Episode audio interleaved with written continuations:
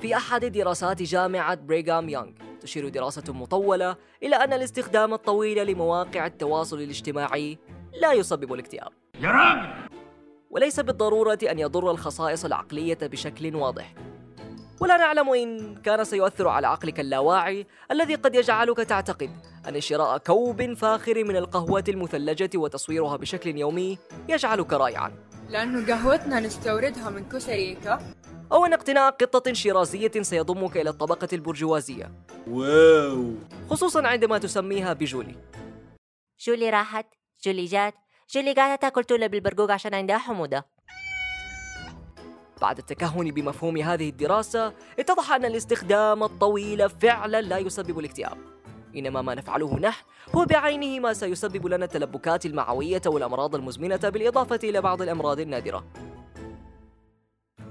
في يوم ما قد تشاهد أحد الأفلام المضحكة المليئة بالكوميديا السوداء حيث يتحول البطل فيها من شخص يعاني من أمراض عقلية ونفسية تجره الظروف القاسية إلى التحول لمجرم مجنون يحول مدينة غوثام المنكوبة إلى حقل من القنابل الموقوتة ثم تنتقل لمتابعة مسلسل درامي يحكي قصة أميرة نائمة في كوخ من ورق الشمندر لمدة ثلاث سنوات ماكلة سمك هذه ولا إيش؟ تنتظر بطلها الشجاع أن ينقذها بجلب الترياق السحري والذي سيوقظها من سباتها العميق على الرغم من ازدحام الطريق.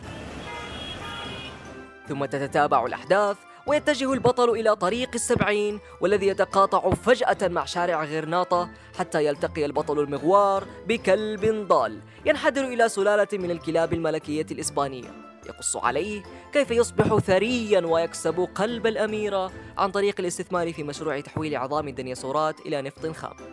بعد أن يساعده في دفن هذه العظام تحت التربة.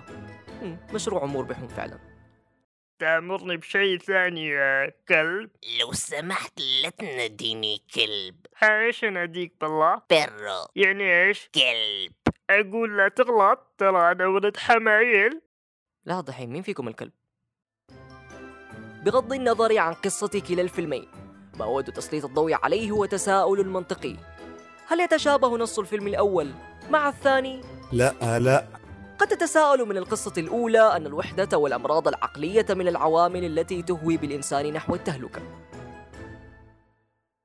وأما عن القصة الثانية فموضوعها محير. كيف لكلب أن يستطيع تلبية ما يحتاجه الإنسان؟ والله الراجل ده بيتكلم كلام زي الفل.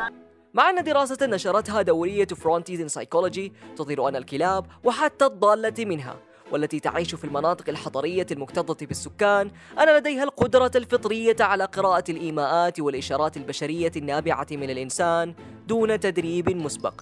فهي لا تحتاج لهذا كله. إنها تفهمك بالفطرة. فلا تبتئس يا عزيزي الإنسان عندما لا يفهمك الطرف الآخر ولا يستوعب ما تقوله.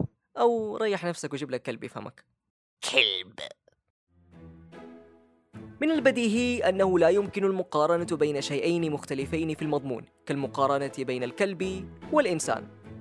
فكيف نقارن ما هو مكتوب لنا بما كتب لغيرنا من بيئة وظروف ونص مختلف لحياة مختلفة تماما؟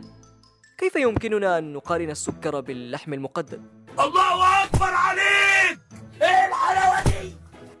ورجوعا لدراستنا الأولى عن استخدام مواقع التواصل الاجتماعي. وبعد تنفيذ التجارب على العينات المشاركة اتضح منها أن البشر يقضون ما يعادل الساعة يوميا على مواقع التواصل الاجتماعي.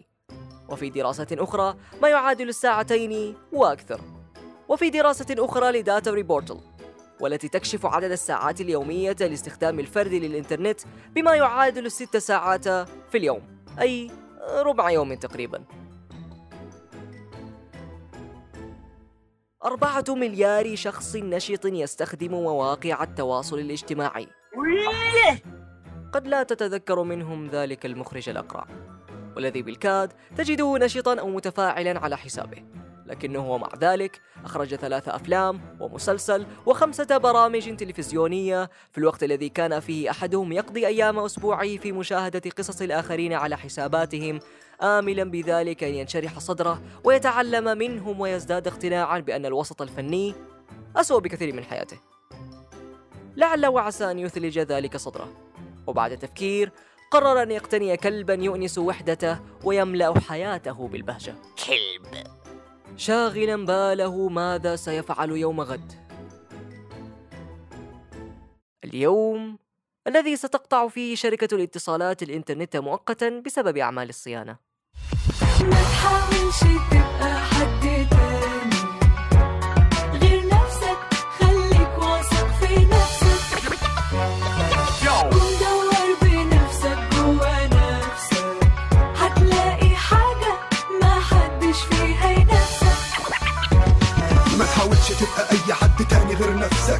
دور بنفسك جوه نفسك.